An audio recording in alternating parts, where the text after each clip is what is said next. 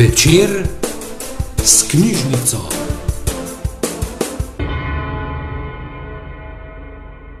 Smo na izbranem srečanju v knjižnici Ivana Tavčarja. Ta srečanja pripravljamo v kulturnem društvu Grable in smo zelo veseli, da prav danes na prvem srečanju gostimo Aljošo Harlamo. Aljoša, res lepo pozdravljamo v Škofi Roki. Ob vsej obilici dela, ki jo imaš, uh, smo res veseli, no, da si si vzel čas in prišel um, uh, v naše mesto, nas malce razsvetliti in uh, navdihniti, kar se tiče knjig in branja. Uh, zakaj smo se odločili za to vrstna srečanja? Um, zelo se nam zdi pomembno v kulturnem društvu in uh, grabljenju na splošno, da širimo bralni virus in da se čim več pogovarjamo o knjigah. No. Radi bi vplivali na to, da knjiga nekako ne potone v viharju potrošništva, kar se pravzaprav že dogaja. Uh, in prav zato se nam zdi pomembno, no, da ne samo, da smo sami knjigam, s knjigami, da beremo, vi najbolj vsi veliko berete, ampak marsikdo pa pravzaprav ne. ne. Tako da prav s takimi javnimi dogodki, ki so v bistvu sproščeni, namenjeni eno takmu filmu pogovoru, ne širimo neko zavest o tem, uh, kakšen pomen ima um, branje ne, v naši družbi in da je dolgoročno zelo pomembno, da pač um, delamo na tem vsi, uh, tako tisti, ne, ki se pač s knjigo profesionalno ukvarjajo, kot tisti, ki smo neki ljubiteljski bralci. Tako da, um, ja, Aljoša marsikdo pozna, urednik Cankareve založbe, podcaster, um, pisatelj, uh, literarni kritik, uh, tako lahko bi naštevali v nedogled, ampak dajmo se tukaj ustaviti. Predvsem ljubitelj uh, knjig in branja, dober poznavalec knjižni mol, uh, oziroma kar profesionalni bralec. In, um, ali už jaz ti predajam besedo, uh, uživajte, pustite se navdihniti.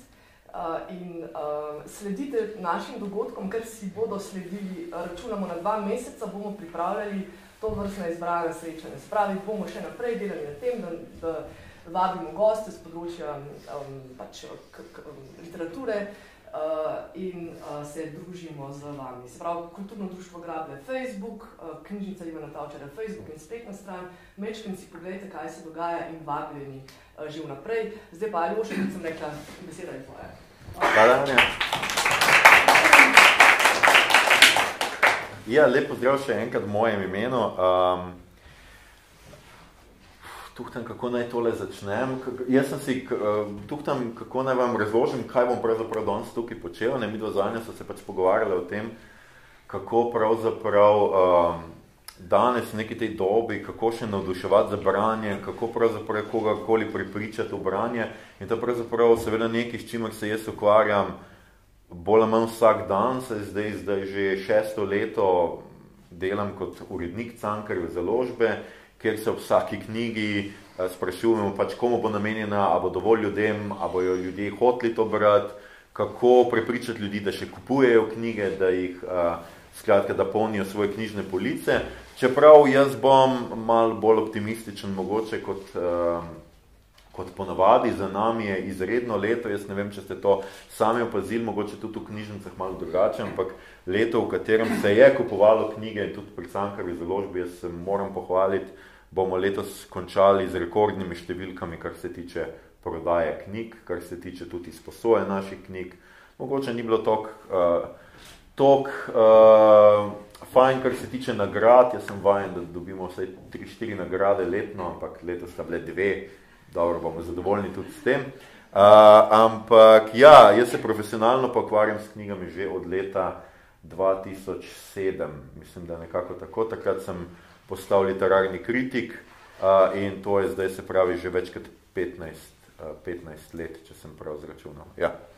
Um, jaz sem si dogodek zamislil pravzaprav tako, da vam pripovedujem nekaj vrste zgodbo o mojem branju, o tem, kaj berem, zakaj berem, kakšne stvari berem, hkrati vam bom skušal povedati različne stvari, na knjige pogledati z različnih strani, skušal tudi mogoče vam nekako dati stočnice, kako prepričati branje nekoga, ki ne rad bere, ali pa kako mogoče nekomu pokazati, da branje vseeno je še vedno neka zanimiva dejavnost, tako nekak in to skozi recimo deset etap, deset zgodb, deset različnih načinov, kaj branje pravzaprav pomeni. To ne bo deset knjig, ker vidite, da sem jih prinesel več, ampak nekako deset skratka etap.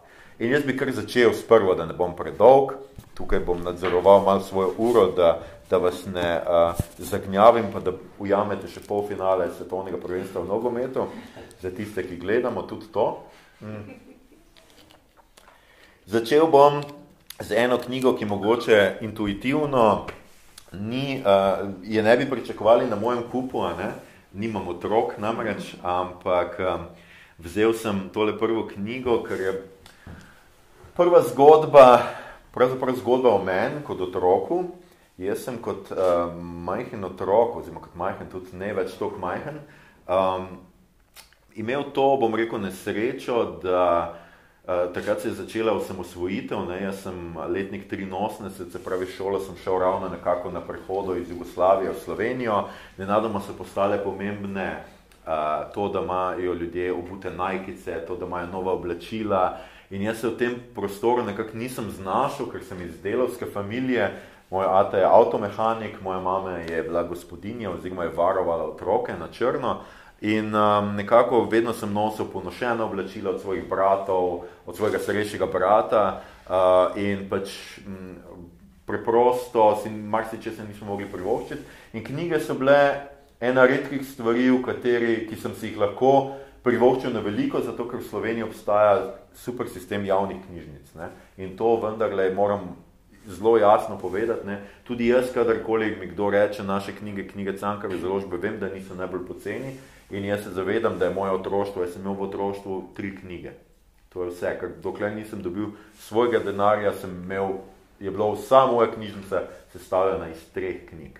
Um, in jaz sem skratka knjige nekako dojemal kot nek prostor, kamor lahko zbežim. Se pravi, ko so me uh, v šoli psihološko izvajali psihološko nasilje nad mano, pa tudi fizično nasilje nad mano, sem nekako bežal knjige, bral sem Karla Maja in Indianarce in se tam pač naučil, kako fajn bi bilo biti indijanc, pa pač se upred tem belcem, ki te uh, skozi potiskajo na obrobje. Prav sem pet prijateljev in imel tam svoje prijatelje uh, uh, med petimi prijatelji uh, in vse to. In jaz sem zelo dolgo, dolgo pravzaprav tuhtal o tem, kako so meni knjige vedno pomenile neko uteho. Se pravi, ko so me pričakali na poti iz šole do doma, mi prebrli torbo, me podarili na tla, se življali nad mano, sem vedno, ko sem prišel domov, je bila moja prva stvar, pojedel bom nekaj, potem bom pa šel brati. In sem veliko bral. Uh, imel sem potem tudi srečo, da se je knjižnica preselila, naša knjižnica na Ptuju se je preselila v um, tako imenovani mali grad in to je bilo tako blizu mene, mislim, da je to ene 200 metrov, da sem jaz zjutraj, polet, recimo zjutraj šel v knjižnico, si sposodil štiri knjige, ki sem jih potem do večera prebral in šel še enkrat v knjižnico zamenjati nove knjige. Ampak tisto, kar sem hotel zdaj povedati, je, da pravzaprav ta ideja, da sem jaz bežal v knjige, pa da sem jaz uh, bil zelo zaprt vase in da so mi knjige pomenili v teko, ni čist natančna, ne, ni čist pravilna. Ker knjige so bile tudi moja povezava do drugih ljudi. Sem, da jaz mogoče tega takrat, ko sem bil otrok, pa posebej, ko sem bil najstnik, nisem tega tako opazil. Ampak recimo, meni je mama od otroštva, zelo zgodnega otroštva, pela, vsem nam, seveda tudi mojim starejšim bratom, meni in našim brati, bratu pela je partizanske pesmi, pela je ljudske pesmi, pesmi pripodvale pravljice, in čeprav je bila v resnici moja mama zelo hitro zanosla in je bila precej neizobražena, je celo življenje brala in se pač izobraževala prek knjig in to ljubezen je nekako prenesla na vse tri nas. Naša mama ti po zimi nikoli nisi videl brez knjige. Vedno, ko je imela prosti čas, je imela knjigo v rokah in tudi uh, na pozneje, ko je zbolela in je pač uh, dobila hude stopnje raka, najhuje je bilo takrat in takrat smo vsi vedeli, da je pač naša mama pač bo počasi umrla, je bilo, ko ni mogla več brati. In tudi mojega očeta, kakorkoli, me je vedno zafrkaval, da če bom preveč bolj v knjige, bom nosil očala, me je sicer prav, ampak uh, je vedno moj oče tudi bral. Posebej po zimi, ko ni bilo toliko dela, je bral uh, uh, kavbojske romane. Se veste, tisti, ki kupite uh, Mislim, da še imajo vedno v trafikah, ker so v dveh stolpcih napisane zgodbe v srbo-hrvaščini, to je on cele dneve bral in tudi jaz sem kdaj prebral kakšno in prek tega so se nekako konektala. Najbolj pa je moja vez z branjem preko knjig, moja vez z mojim mlajšim bratom. Uh, in Piki je nekaj, če se nisem jaz bral, ampak sem bral svojemu mlajšemu bratu, se pravi, sem bil star šest let, ko se je Sergej rodil in od malega pač moji najlepši spomini na mojo družino, pa na moje, naše družinske življenje, pa moje otroštvo, so v resnici to, kako je skrbim za brata in kako sem od cele popodneve bral. Um, predvsem pa sem obral Pikija, ki je pač ena taka zanimiva knjiga, jaz ne vem, če to poznate, zato vam bom seveda pokazal. Ne.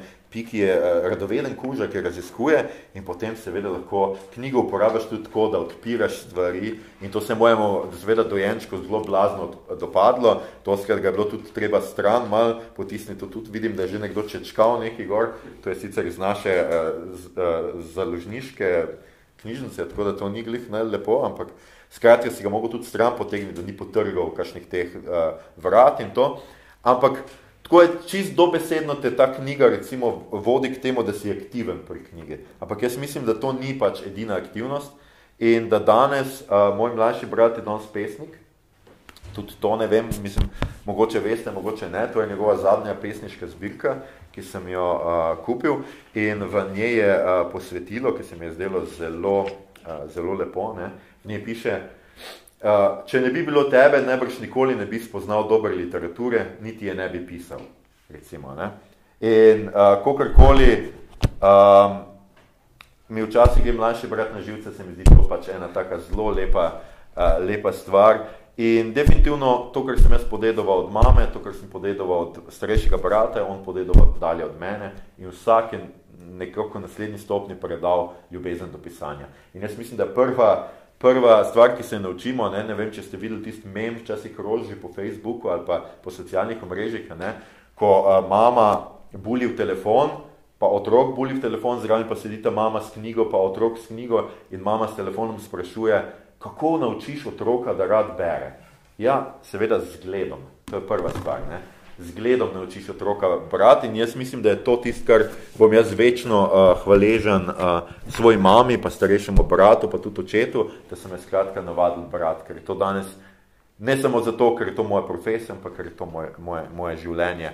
Um, predvsem pa tisto, kar, uh, zaradi česar gremo zdaj na drugo knjigo, je pa tisto, kar je pomembno, da branje, čeprav zgleda tako, da vsi beremo nekako doma, sami zase, v miru, vse večina nas tako bere, pa ni to edini način branja. Tudi vi morate vedeti, da v zgodovini branja ni bilo vedno tako. Ljudje niso brali potihem sami sebi. Ljudje so včasih v preteklosti brali na glas, tudi samim sebi. Ne samo drugim, ampak bralo, prvi bravci so brali na glas.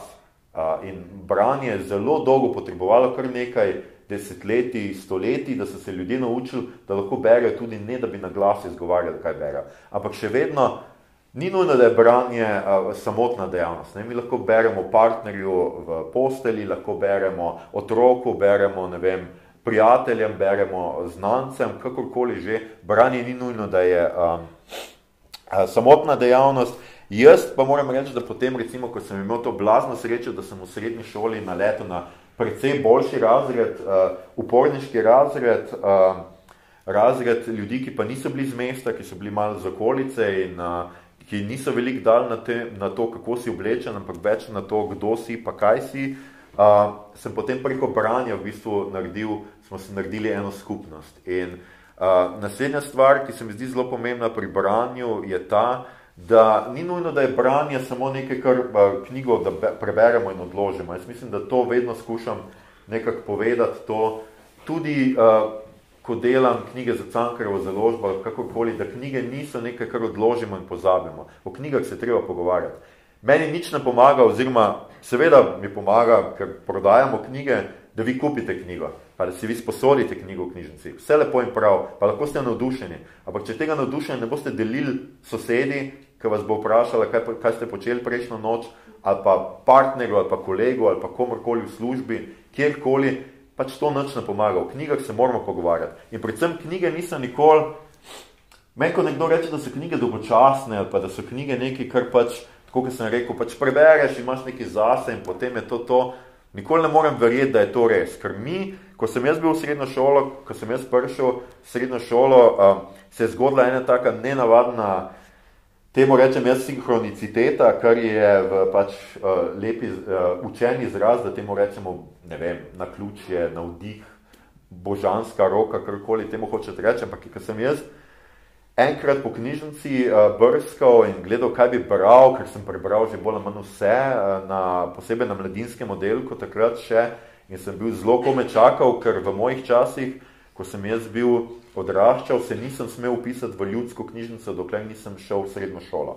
Tako da sem bil do srednje šole pač v mladinski knjižnici, ampak tam sem že bolj manj vse prebral, potem pa naletim na tole knjigo, uh, zbirka Odisej in je nek hobit, In preberem in se mi je zdela čisto zabavna knjiga in v redu, to je moj izvod, tako da brez skrbi, če je malo mal strgan. Uh, zdela se mi čisto v redu in vse, ampak ko sem jo prinesel nazaj, meni je moj uh, knjižničar uh, ponovadi pustil, da sem jaz sam nesel knjige nazaj, pa jih sam zložil. In sem pač tole knjigo nesel, prinesel nazaj in jo položil na polico. Je bila zraven nje gromozanska, debela, čisto nova knjiga, ki se imenovala Gospodar prstanov. In jaz sem bil takrat, ko gledam in je bil isti avtor in sem bil tako, ok, kaj je pa to? In potem ugotovim, da je to nadaljevanje in da je to bil samo uvod v eno knjigo in se pravi, tale knjiga po moje, ker je šla nekje, kaj konec 70-ih se mi zdi, je bila zelo dolgo na tisti polici, ne da bi opazil, ampak opazil sem jo, ne vem, točno teden dni ali pa nekaj dni prej, 86, nekaj dni prej, preden je šel gospodar Prstan. To se mi je zdelo tako neverjetno na ključje, kot da mi usoda hoče nekaj povedati. In jaz sem seveda tisto knjigo prebral, prebral takoj, ko sem jo prebral, sem jo prebral še enkrat.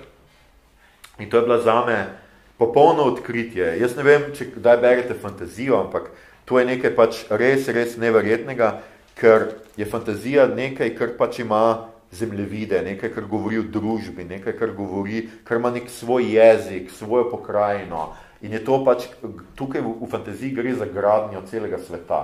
In uh, pozneje v srednji šoli nekako sem se srečal z par prijatelji, ki so vsi brali fantazijo uh, in takrat smo tudi, to so bili časi še, ko smo se šolca vsi fehtali, zato ker je imel on dostop do mamičine bančne kartice in je edini lahko naročal knjige preko interneta in smo potem z Amazona naročali knjige in se zelo veselili, ko so prišle v paketih, ampak mi smo s to mojo druščino brali knjige kot po tekočem traku, si jih sposojali, se pogovarjali v njih, uh, ugotavljali, kaj se bo dogajalo v nadvanjih. Seveda nismo več brali Tolkiena, brali smo Georgea Martina, brali smo Leguinovo, brali smo Terija Prečeta, brali smo Roberta Jordana. Uh, večinoma v angleščini, ne, to tudi kar danes ugotavljamo, da mladi seveda, ampak to je bilo takrat tudi zaradi tega, ker te knjig v slovenščini pravzaprav se še niso prevajale. Ampak tisto, kar hočem povedati, pa je, da fantazijska literatura je bila tako metaforično zelo primerna, ker fantazijska literatura gradi en svoj svet. V resnici smo pa tudi mi gradili eno skupnost in en svet. In to se ni ustavilo samo pri knjigah. Mi smo se potem dobivali in smo igrali Dungeons and Dragons. To je igra, v kateri uporabljaš ogromno domišljije, kjer je pravzaprav samo narisane so neke osnovne točke, vse ostalo pa ti pravzaprav so ustvarjali zgodbo. Potem smo igrali karte. Nekateri so seveda igrali računalniške igri, čeprav jih danes vsi preganjajo in skušajo pač pokazati, da je to pač izguba časa, je vseeno seveda v nekem kontekstu se da vse to povezati. In mi smo bili takrat ena res taka uh, skupnost in jaz sem preko knjig pravzaprav pa preko tega, preko sem še bolj bežal knjige, zdaj le tukaj pa sem se pač res prvič zavedel, da knjige pač gradijo tudi skupnost in da se lahko povežemo med sabo tudi iz ljubezni do literature. In to se mi zdi pač nekaj najlepšega. In ni lepšega, meni se je doskrat zgodilo, da sem bil kje na kakšnem vlaku in da preko mene nekdo bere in vidim, kaj bere in pač pade v kakšno debato ali pa kakor te, uh, kar, karkoli takega. Včasih tudi koga prestrašim, tako da ne se straši, če boste kdaj uh, nakupovali v Ljubljanskem konzorciju. Mi imamo namreč pisarno nad Ljubljanskim konzorcijem in jaz sem letos, ko so bili boni, tista zadnja dva tedna, ko so ljudje pobesnelo z boni hitel v knjigarne in kupovali knjige, stal tam in opazoval, kaj kupujejo. In mislim, da sem njega gospoda res zelo grozno, grozno prestrašil, zato ker je imel tri knjige, tri moderne klasike in vsi so bili, ki sem jih jaz uredil. In sem sam hotel reči, da je super izbral, njemu pa se je verjetno zdelo, kaj ga ta in tip tam nekaj nadleguje vrsti pred blagajno, skratka ne se ustraši, če boste kdaj v konzorciju, jaz pa zelo rad opazujem, kaj ljudje kupuje tudi na knjižnem sejmu, uh, sem zelo pogosto in uh, tisto, uh, kar se mi zdi, da je pač pri knjigah najpomembnejše je točno to, da pač mi se pogovarjamo o knjigah, pa da nas ni, ne vem, se sram pogovarjati o knjigah. To imajo najstniki doskrat probleme, ne? doskrat ugotavljajo, da nimajo družbe. In v končni fazi internet in vse te stvari pomagala, ki jih imamo, in knjižnice in take dogodke, nam pomagajo, da se srečamo tudi med sabo mi, ki smo mogoče kdaj v kakšni drugi družbi mal čudni. Um, fantazijski žanr je bil en žanr, ki ga moja mama ni delila z mano in to je bilo pač neki, kar je moja mamo mal začelo vedno bolj razočaralo, zato ker sem jaz iz knjižnice mene je pošiljalo knjižnice, da je nosim knjige in potem je vedno uh, sva brala skupaj in je zelo rada imela to, da bereva skupaj iste knjige, potem pa sem jaz vedno bolj bral znanstveno fantastiko, pa še kakšne druge stvari, ki jih ona ni marala, ali pa slovenski avtori. Moja mama je vedno rekla, pač karkoli mi prineseš knjižnice, ampak če je napisal slovenec, boljše, da ne. Ampak vse veste, ne? A, zdaj so kriminalke, moja mama je ful rada brala kriminalke, so tudi slovenščine zelo popularne, ker ni a, ker ni na ključe. Ampak tisto, kar je pač mogoče najbolj zabavno, je bilo to, kako je moja mama vedno brala kriminalko in sicer tako, da je začela brati, potem pa nekje na polovici, ko je že tok firbec matrov, kdo je morilc, je šla na konec in prebrala, kdo je morilc. Ne? In mene to vedno obživce spravljalo.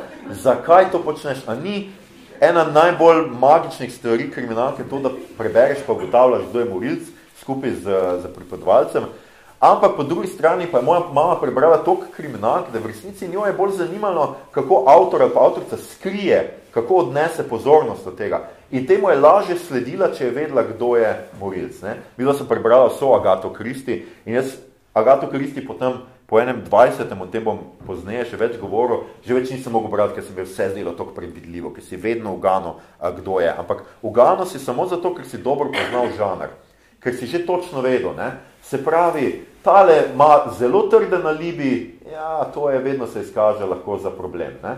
Vedno vidiš, če si dober bralec, oziroma če dober bereš, recimo žanr, zelo hitro vidiš nekako tako, če avtor speljati stran, pa pre, preveč, vreč sum, tako da na nekoga drugega meče sum, ampak v resnici ga meče na enega drugega, drugega, za katerega bi ti moral verjeti, da je morilc, morilc pa je on ta tretji, ki stoji zraven, pa je kao nedolžen. Ne? In to je Agata Kristi žal zelo pogosto pač uporabljala ta.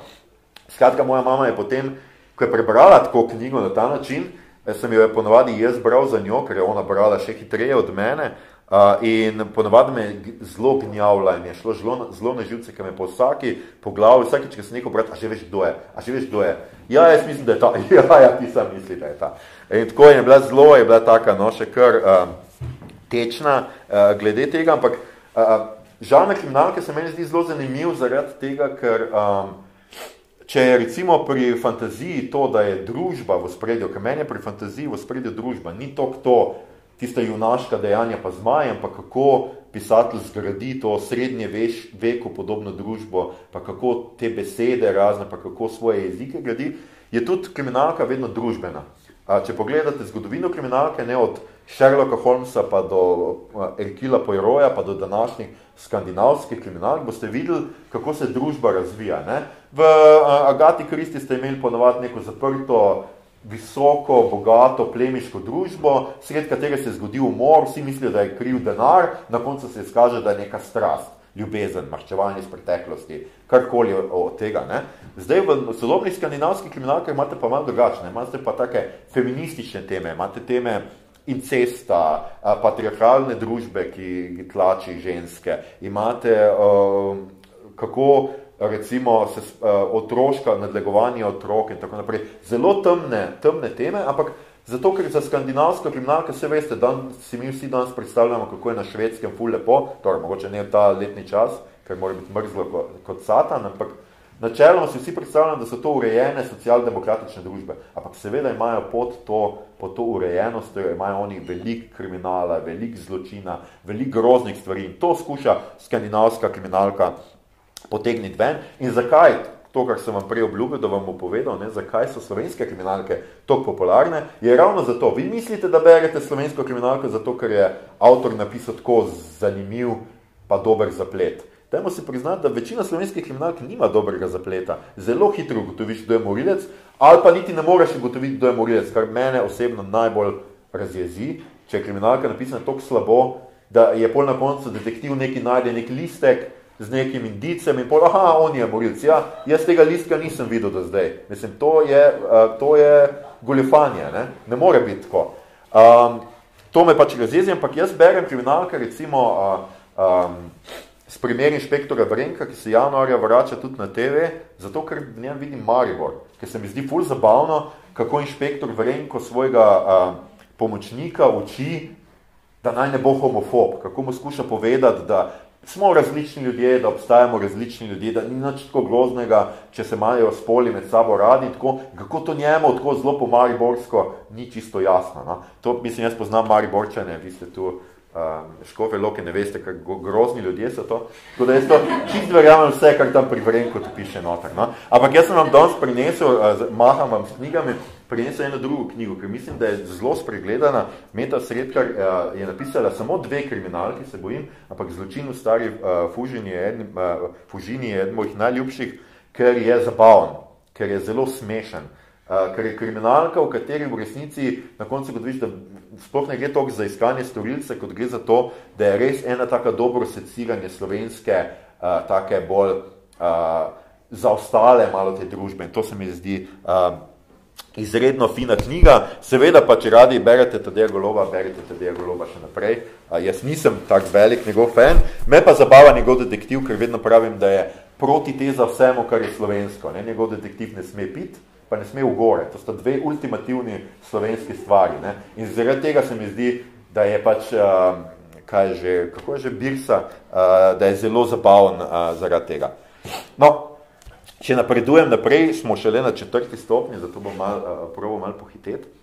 Um, to je ena knjiga, ki mi je ogromno pomenila prvič, ki sem jo prebral. Jaz sem bil kot otrok, mogoče mi to danes ni videti, ampak obseden z Biblijo in z zgodbo Jezusa uh, Nazarečana. Tudi moja prva kratka zgodba, ki sem jo kadarkoli, dobra kratka zgodba, ki sem jo napisal in s katero sem uh, zmagal na nekem natečaju, je bila o Jezusu iz Nazareta. Kot otrok sem bil zelo uh, religiozen, potem me je to zapustilo, ampak še vedno se mi zdi njegova zgodba ena takih ultimativnih človeških zgodb o človeku, ki pridiga vsem dobro do te mere, da, da gre vsem že na živce in na koncu ga ubijejo, zato ker je predober. To se mi vedno zelo taka grozna, grozna stvar. Uh, ampak mene je ta njegova zgodba privedla do romana uh, Nikosa Kazanzakisa, do zadnje uh, skušnjave, tisti, marsikdo je gledal od vas mogoče film, zadnja Kristusova skušnjava. Uh, ampak tisto, kar je mene prvič presenetilo, to je, bila, to je zame prvi nežanrski roman, ki sem ga prebral in katerem sem blazno užival. Uh, jaz sem do takrat bral samo kriminalke, ljubezenske romane z mamo, bral sem ful že znanstvene fantastike, fantastike, ampak tiste, kar so mi pa dajali v šoli, pa nisem rad bral. Zdelo se mi je dolgočasno, zdelo se mi je slovensko, zdelo se mi je, da so vsi še bolj revni od mene, še bolj depresivni od mene in mi res ni, ni, ni, ni se mi zdelo toliko zanimivo. Ampak tole knjigo sem pa vzel zaradi te zgodbe, me je pripeljala te knjigi in se mi je zdela nekaj najboljšega, kar sem kadarkoli prebral. To je izredno poetična, Nikos Kazanzak ima tak poetičen, pa še tak biblijski slog, tako biblijski jezik ima, zelo posnema Biblijo. In se mi je zdelo neverjetno, da jaz to berem in v tem branju tako zelo uživam. Uh, in tudi moji mami se je zdelo neverjetno, zakaj berem take dolgočasne, uh, dolgočasne knjigo, uh, knjige, ampak hočem, uh, tist, kar, kar, kar te pripelje do takih knjig, je neko postopno branje, pa neke faze branja. Jaz to vedno zelo podarjam in zaradi tega nisem fan slovenskega šolskega sistema, moram priznati, vsaj ne slovenščine v slovenskem šolskem sistemu, ker se mi zdi, da otroci dobijo prehitro, preveč zahtevne, kompleksne in milo rečeno dolgočasne knjige. In da to nikomor, nikogar ne vzgaja obralca. Jaz ne vem, kaj hoče slovenski šolski sistem in slovenščina narediti z otroki, ampak mislim, da vzgoja obralca to ni. Uh, in um, tisto, kar mi je zelo zanimivo, je pač to, da zelo malo je ljudi, recimo, kot so ne vem, Miklaš Komel ali pa ne vem kdo, ki so se rodili, pa so že začeli brati, kaj jaz vem, kaj Majakovskega in ne vem kaj, in pri sedmih letih brali Šekspira in ne vem kaj, vsi začnemo, ne vem, z piki, začnemo s pravljicami, nadaljujemo z uh, katerimkoli žanrom, ki nam je všeč in s tem ni nič narobe. Ne?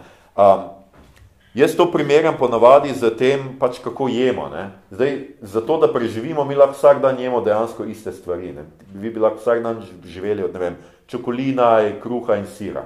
To lahko jeste vi vsak dan, pa od tega živite. Zdaj je to dobro za vas, verjetno ne. Je to nekaj, kar vam bo všeč, če boste cel dneve jedli isto, verjetno tudi ne. Ampak, um, nihče pa spet ne pravi, da morate vsak večer jesti pri Ani Roš. Ne? Pustimo to, da si tega noben od nas tu ne more privoščiti, da bi si kome privoščili kakšen njen rogliček. Ampak, um, Definitivno pa je to nekaj, kar jaz mislim, da je za izkusiti. Ne? Vsak rad gre v kakšno fino restauracijo in tam proba kakšno stvar. Ne? In je tam pač kup nekih okusov, ki se jih moramo naučiti. Meni prvič, jaz moram priznati, moja uh, bivša punca me je pelala na teden restauraciji, recimo sva šla in sva šla v eno full fancy ljubljansko restauracijo. Meni se je zdelo to grozno. Karkoli so me prinesli, je bilo tako mehno, da nisem vedel, kaj naj primem, kako naj to zgrabim žli, za žlico je bilo, večje je bilo od žlice, s katero bi tisto jedel. In potem si gledal vse te fine ljubljanske gospode in gospe, ki to jejo tako mm, mm, in si si mislil, o moj bog, kakšen hohštapleraj. Ampak seveda, če ti ne prepoznaš, če nisi vajen, če do takrat nisi jedel, ne vem, visoke kulinarike, ne boš tega znal ceniti. Je šele zdaj, po ne vem koliko letih, ko vsake toliko časa si privoščim kakšno fino restauracijo, se zavedam neki palete okusov, pa zanimivosti, pa tega, da so to pripravili zelo natančno, pa z nekimi nenavadnimi postopki, pa da je to, ne vem, riba iz lokalnega ribnika vzgojena z LCD televizorji v ribniku ali ne vem kaj, skratka, to ceni šele s časom in enako je s knjigami. Ampak, tu pa je zelo, zelo pomemben ampak, ki nas bo pelal pol k naslednji knjigi, ne sme pa to pomeniti, da mi začnemo zaničevati domačo hrano ali pa kakokoli. To, da mi zdaj lahko beremo kompleksnejše stvari, ker to gre za različne ravni kompleksnosti, ne more pomeniti, da imamo mi zdaj pravico obsojati vse, ki ne berejo še tega, še tega, ali pa sploh ne berejo tega, ali pa ne uživajo v tem. In v tem bom namreč govoril v naslednji, pri naslednji knjigi. Jaz sem namreč potem, to je nekaj konec moje osnovne šole, potem v srednji šoli sem še fantasy bral, zato ker sem se pač družil s svojimi kolegi, potem sem šel pa na a, faks, kolega me je opisal na slovenistiko, to je druga zgodba, a, in a, zato, ker mi je pač slovenščina šla, in jaz sem se tam znašel skratka med Študiral sem prvi, prvi v svoji familiji, ki sem študiral, zdelo se mi je full fancy vse skupaj, v Ljubljano hodim, študiram tam in začel sem brati seveda vse tisto, kar nisem bral v srednji pa osnovni šoli, sem zdaj bral znova, kanon in mi, bil mi je blazno všeč. Užival sem v, vsak, v vseh grških, rimskih tragedijah, bral sem srednjeveške romane, realizem, vsem sem blazno užival in nenadoma sem žanr zelo potiskal stran in oh, to pa ne, V kino sploh več nisem hodil, samo še kinoteka, pa kinodvor, samo še romunski, gruzijski, uh, japonski filmi, bolj je bilo vir, bolj sem se delal, da uživam v tem. Potem sem pa enkrat natrčil na tole, ker sem mogel delati, uh, mislim, da smo delali nek seminar ali nekaj pri profesoru Jane Zovrečku. Na seznamu njegovih knjig je, ne vem, 100 pa neki 150, ne vem, del. Od 150 mi dve nista bile všeč ampak o Jezus, kako zelo mi nista bila všeč in ena od njih je gospa Bovari. Jaz sem tako, do takrat še nikoli nisem tako trpel v knjigi. In najhuje, kar mi je bilo, da jaz znam ceniti gospo Bovari, uh, sem literarni zgodovinar, vem točno, kam sodi, vem, kakšno spremembo je naredila, kaj se Flaubert naredi s pripovedvalcem, fokalizacijo, um, z tonom. Ampak to je dolgočasno za popizditi. Jaz, Jaz sem to komaj, komaj, komaj prežvečil, komaj sem se prebil skozi in to je bil prvič en signal, ki mi je takrat rekel, ok, Aljoša, sej, lahko se vsi delamo, da beremo, da radi beremo dobre knjige, ampak a je res to grozno, če ti kakšna taka knjiga ni všeč? In meni se je takrat zelo grozno. Jaz sem to grozno trpel, in sem se delal, kako všeč mi in sem se skušal pripričati v to, da mi je ta knjiga všeč, ker se mi je zdelo neverjetno, da zgodovine, generacije in generacije literarnih zgodovinarjev in bravcev uživajo v tej knjigi, jaz sem pa tle pa ne štekam dovolj, da bi užival v njej. Ampak seveda, ni šlo za nobeno štekanje, gre samo za okuse. Jaz pač načeloma nimam rad ljubezenskih romanov, nimam rad romanov o odnosih, o, o, o zakoncih, recimo, in to in varanju in teh stvarih, in to mi je pač, zaradi tega se mi ni knjiga dopadla. In ena stvar, ki se pač je treba naučiti, je, da branje kot neka dejavnost ne sme postati šov, ne sme postati signaliziranje neke več vrednosti. Ne? To, da bomo mi mahali ljudem uh, okrog, pa pač se delali, kako blazno uživamo v, v stvarih, ki jih mogoče ne razumemo. Ali pa niti ne gre za to, da ne razumemo, lahko popolnoma razumemo, tako kot mislim, da jaz popolnoma razumem, gospod govori, ampak je nam je dolgočasno. To, da bi si mi odrekali neko lasten okus ali pa neko lastno veselje, pa neke subjektivne uh, veselja, ki jih imamo, to pač tudi ni v redu. Ne? In definitivno ni to neka stvar, uh, knjige, jaz nočem, da knjige postanejo stvar, s katero mi točemo druge ljudi po glavi. Ne? Jaz, če pogledam zdaj recimo na mal nazaj, me včasih prav sram, kako sem, ne vem, Ko sem seveda prišel na take knjige, začel, ne vem, mami govoriti, oj, spet bereš te brezvezne ljubiče, pa koliko je to, ja, ok, srečala bo unga, dva moška bo srečala, eden jo bo na začetku ne bo zanimal, ker bo kreten, drugi bo zgledal popoln in un popoln je seveda kreten, unka je kreten, pa je v sebi ful dober in boste srečna do konca svojih dni. To sem vam zdaj razložil 48 ljubezenskih romanov od A do črke C. Ampak, ta neka ideja, da se je zdaj to moje branje več vredno, je pa nekaj najslabšega, kar jaz mislim, kar lahko ljudje počnemo drug drugemu. In zaradi tega sem prinesel sabo tudi svoj roman, ki je sicer preoblečen. Mislil sem, da bo Mito danes tukaj, pa ga ni barabe. Skratka, a, Mito Gegič, slikar, ki živi v Škofi Loki zdajle, a, je naredil eno tako lepo poslikavo mojega prvega romana, zato ker meni naslovnica originalna ni bila všeč, ampak tisto, kar Zato sem prinesel pač ta izvod, ampak tisto, kar sem hotel povedati, je pa to, da je ta roman, jaz sicer mislim, da še vedno ni slab, moj, moj roman, ampak je pa pretenciozen za popizditi. In danes me je mal sram človeka, kakršen sem bil, ko sem to pisal. Ker moja ideja je bila, da na prvih 50 straneh tako zdolgočasim bravca, da bo nehal brati. In šele potem se začne fajn stvari. Ampak... Uh, Bildungsroman, tudi, tudi naslov je pretenciozen. Uh, ampak povedati hočem skratka, da um, tist, kar ni ok pri, pri eh, takih zadevah, je seveda ta nek sram, pa nek občutek več vrednosti, ki ga prinese to, da mi beremo dobre stvari. In zato sem prinesel eno stvar, ki jo jaz obožujem, in to je Jane Austen, njeni romani, ne sicer prezetnosti in pristranosti, to ni moj najljubši, moj najljubši je Emma. Ema mi je najljubša eh, tudi zaradi tega, ker sem bil prisiljen v to, da jo preberem. Zgodilo se namreč to, da sva z eno svojih kolegic, uh, takrat sem jaz bil, ne vem, na faksu, stavila, ne vem, zdaj sem že pozabil, kaj je bilo, nekaj neumnega, vsekakor jaz sem zgubil to stavo in v stavi je bilo, da tist, ki zgubi, mu zmagovalec določi pet knjig, ki jih mora prebrati in o njih poročati. In med petimi knjigami so bile štiri, ki se jih zdaj ne spomnim, katere, oziroma za eno se spomnim, pa ne bom imenoval, ki so bile res, res grozne in so mi naredile skoraj več muk kot gospa Bobari. Ampak med njimi je bila tudi Emma Jane Austen. In jaz sem, ko sem jo bral, uh, se nenadoma gotovo, uh, da, da se spominjam vseh tistih časov, ko so z mamo brala ljubezenske romane in da je Jane Austen tak proto-ljubezenski roman, kjer je ona že postavila ves žanr. Ne? Vse, kar danes gledam, tudi v romantičnih komedijah, romantičnih dramah, se je Jane Austen že spomnila. Ne? Zato pa imate tok prijet Jane Austen, še na Netflixu je zdaj pred kratkim prišla čisto nova. Ne? Zato, preprosto zaradi tega, ker je ona izumila teh 5-6 struktur, ki jih zdaj ljubezenski romani vsi dobesedno ponavljajo. Pa jih malo premaknejo, pa jih postavijo v sodoben svet, ampak to, kako je ona to postavila, je pa pač preprosto genialno. In jaz sem tako zelo užival uh, v, v tisti knjigi, ne? da se mi je zdelo, uh, da sem takrat nekako začel, počasi se je začela ta prevzetnost, ki sem jo čutil, ko sem pisal to knjigo, pa ker sem bral take fajne uh, kanonske romane, se je začela nekako malo počas topiti od mene. Uh, posebej pa danes recimo gleda mene zelo grozne posledice take prevzetnosti, pa te neke ideje, da ljudje, ki berejo dobre knjige, so pač boljši od vseh drugih.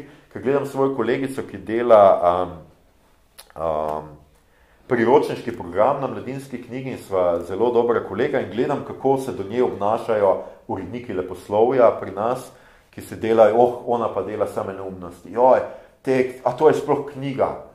Ampak v resnici je taka seveda, da um, mi živimo od njenega dela, ne od mojega. Če bi ljudje, če bi ča, mi živeli moja založba od knjig, ki jih jaz delam, bi zelo hitro propadli. Mi delamo knjige, ki so podprte subvencije zaradi tega, ker so to knjige, ki so kompleksnejše, ki so zahtevnejše in ki pri nas v Sloveniji pač nimajo tega, ker se mi malo bojimo zahtevnejšega leposlovja in nismo vajeni ne brati, ne kupovati take vrste literature. O tem bomo še več pozneje govoril, ampak hočem pa reči to, da ljubezenski roman ima en tak negativen prizvok. Ne? Pač Bog ne da, da bi bral Ljubiča to poneumlja, ne? včasih so celo dobesedno to res verjeli, da, da te stvari poneumljajo, da se zaradi njih ljudje mečejo z mostov v, v reke, delajo samomore in tako naprej.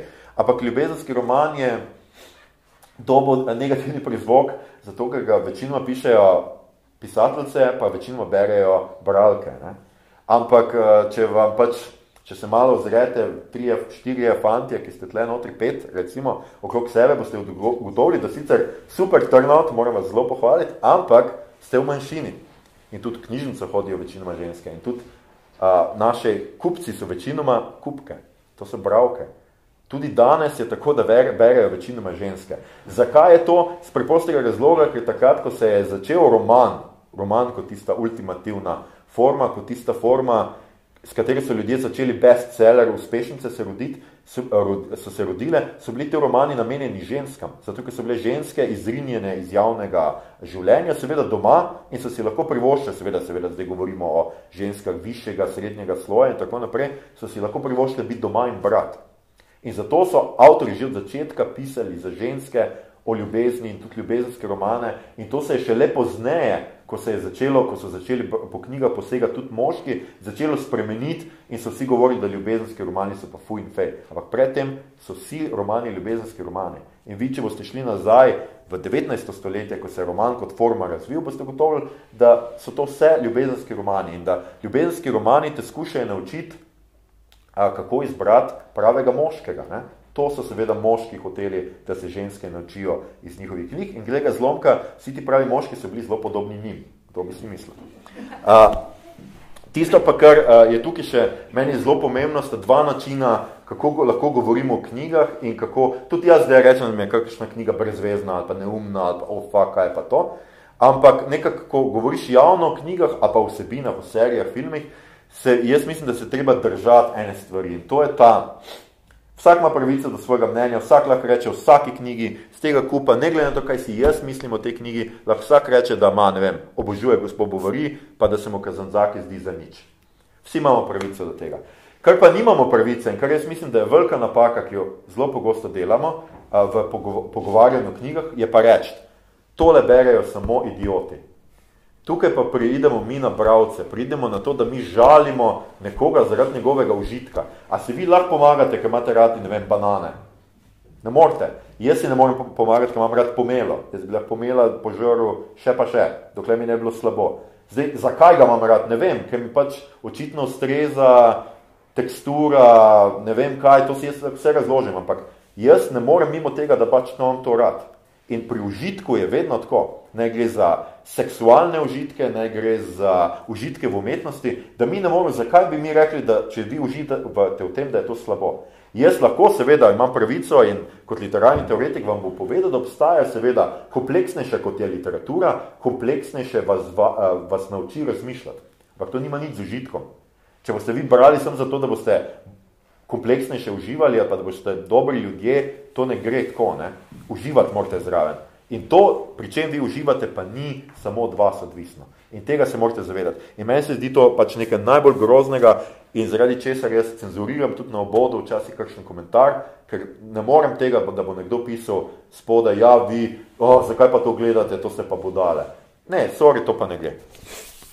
Um, Posebej pa uh, naslednja zgodba, ki je mogoče, je pa zgodba tudi o tem, da uh, včasih uh, ne smete prehitro obupati.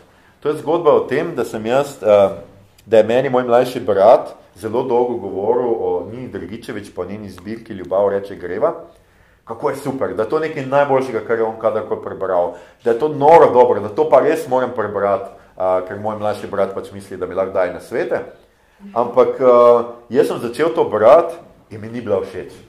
In sem jo tako po nekaj straneh sem jo odložil, sem je zdelo, o moj bog, kaj je spet to neka tipična ljubljanska ta scena z nekimi temi interpolacijami, z neko to, ta poezija, o moj bog, ne bom tega bral.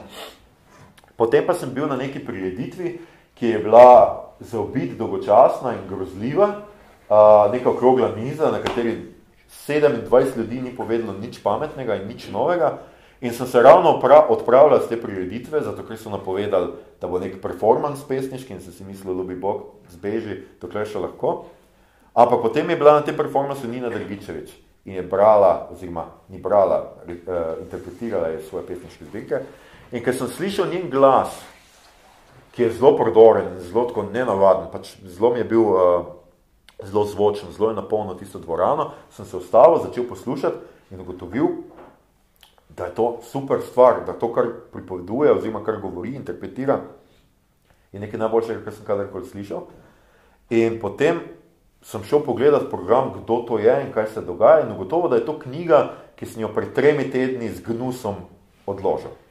In sem šel domov in jo prebral v eni noči in se mi zdelo nekaj najboljšega, kar sem kadarkoli prebral v slovenski poeziji. In tisto, kar hočem tu povedati, je mogoče to, da včasih kakšna knjiga vam ne paše.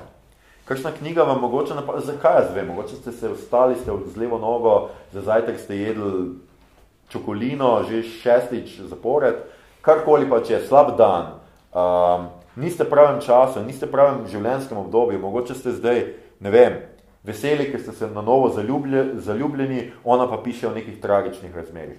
Pač, odložite knjigo, noč ni narobe, da odložite knjigo, ampak lahko se kdaj vrnete nazaj k njej. In predvsem tisto, kar bi jaz svetoval pa vsem, je pa kdaj kakšno knjigo prebrati še enkrat. Jaz tole zdaj ugotavljam, ker odkar pri podcastu delamo večinoma knjige in serije, kakšen film pogledam po, vem, desetih letih ali pa, ko sem bil otrok in potem vidiš, da neke stvari, ki si jih imel strašno rad, ko si bil najstnik, ti poli spadajo, kaj hudi, zakaj sem to gledal, pa zakaj mi je to bilo všeč. Kakšne stvari, ki ti niso bile všeč, si tako, o moj bog, kaj sem pa gledal. Ne? Še bolj pogosto, kot pa te neke drastične spremembe, pa je v bistvu to, da včasih opazimo kakšne detajle, ki jih drugačne. Meni je Ninin glas preprosto dal neko stvar, dal mi je neko zvočnost, ki jaz prej, ker sem bral potiho, nisem zaznal in jaz zdaj njeno poezijo doskrat berem na glas, pa vsaj posamezne dele berem na glas, ker ugotovim, da je ta zvočna komponenta pri njej zelo močna, zato ker je ona performerka, ker njena poezija ni za tiho branje, ni za pisanje, ampak je za govorjenje, za pripovedovanje. In to se mi zdi zelo fino in potem sem bil tok navdušen na njeno poezijo, oziroma sem tok se zaljubil v njeno poezijo, da na koncu, evo, je tukaj moj tekst o njeni knjigi v zadnji zbirki, recimo. In to se mi zdi tak čudež, ki ga recimo literatura a, a, prinese. Ne? Um, Pa še, mogoče še ena stvar, ja, tudi, uh, o tem bomo še tudi pozneje, ampak sem tu pozad tudi odložiti, da je knjigo, ni problem. Tudi, če vam po polovici ugotovite, da pač ni za vas, ni za vas. Tisti trenutek ni za vas. Jaz sem namreč uh, ena izmed mojih stvari, uh, mislim, v preteklosti se mi enkrat že zgodila izgorelost in del te izgorelosti je bil namreč ta moje, ta moj OCD, da nisem mogel uh, nehati, da, da sem mogel prebrati knjigo do konca, če sem jo začel. In ta neurotična motnja je šla že tako daleč, da sem takrat, ker sem bil v žiri za kresnika, ker so moji sožiranti, jaz vem, prebrali 20 strani, videl, da je to brez veze, dali stran. Jaz sem pa knjige, po kateri sem po petih stranih vedel, da je za noč, prebral do konca. In to so lahko bili tudi 300 stranski romani. Ne? In del tega je pač tudi to, da kadarkoli imate pravico odložiti katerokoli knjigo. Je pa fajn, če se mogoče res nje vrnete k njej. Posebej, če je to recimo knjiga, ki je vaši, vašemu partnerju, kolegici, sosedu pač ful všeč, pa imata podoben okus, pa bi mogoče radi vseeno probali pa videli, uh, zakaj je všeč. No, knjige so seveda različnih vrst, ne? knjige niso samo leposlovje in jaz tudi uh, zelo ne maram tega, tako kot sem vam prej rekel, tega nekega odnosa, da je samo leposlovje neka vredna knjiga. Jaz mislim, da pravzaprav mi včasih pri leposlovju, pa pri žanru, recimo, ne cenimo, premalo cenimo tudi to, da nam da neko informacijo. Zelo preprosto. Jaz pač Karla Maja bom vedno branil, čeprav vem, da niso to knjige, ki bile dobro napisane, so pa to indijanarice, ki za razliko od ameriških westernov, ki smo jih midva z očetom takrat gledala, niso nikoli indijancov kazali kot divjakov, ponorelih, ki bojo vse belce pobili, ki jih vidijo, ampak se jih prikazali kot to, kar so bili, kot staroseljci na tem ozemlju in žrtve neke ameriškega uh, ekspanzionistične politike. In uh, knjige nam ne nosijo samo čustva, pa nas učijo empatije, pa uh, tega, da se znamo vživljati v druge, pa da bolje razumemo sebe, ampak nam dajo tudi, so zakladnice informacij in zaenkrat je tudi tako, da so knjige še vedno najboljše orodje za učenje in najboljši način učenja.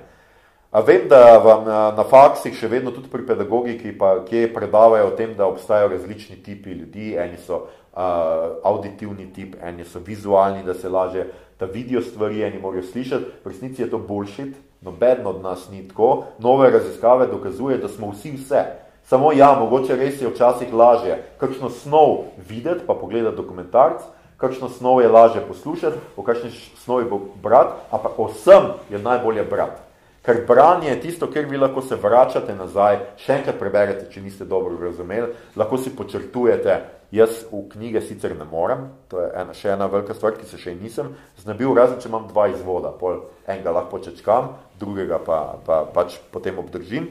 A, ampak še vedno so knjige tisto, kar omogoča najbolj poglobljeno branje, pa najbolj poglobljeno procesiranje informacij.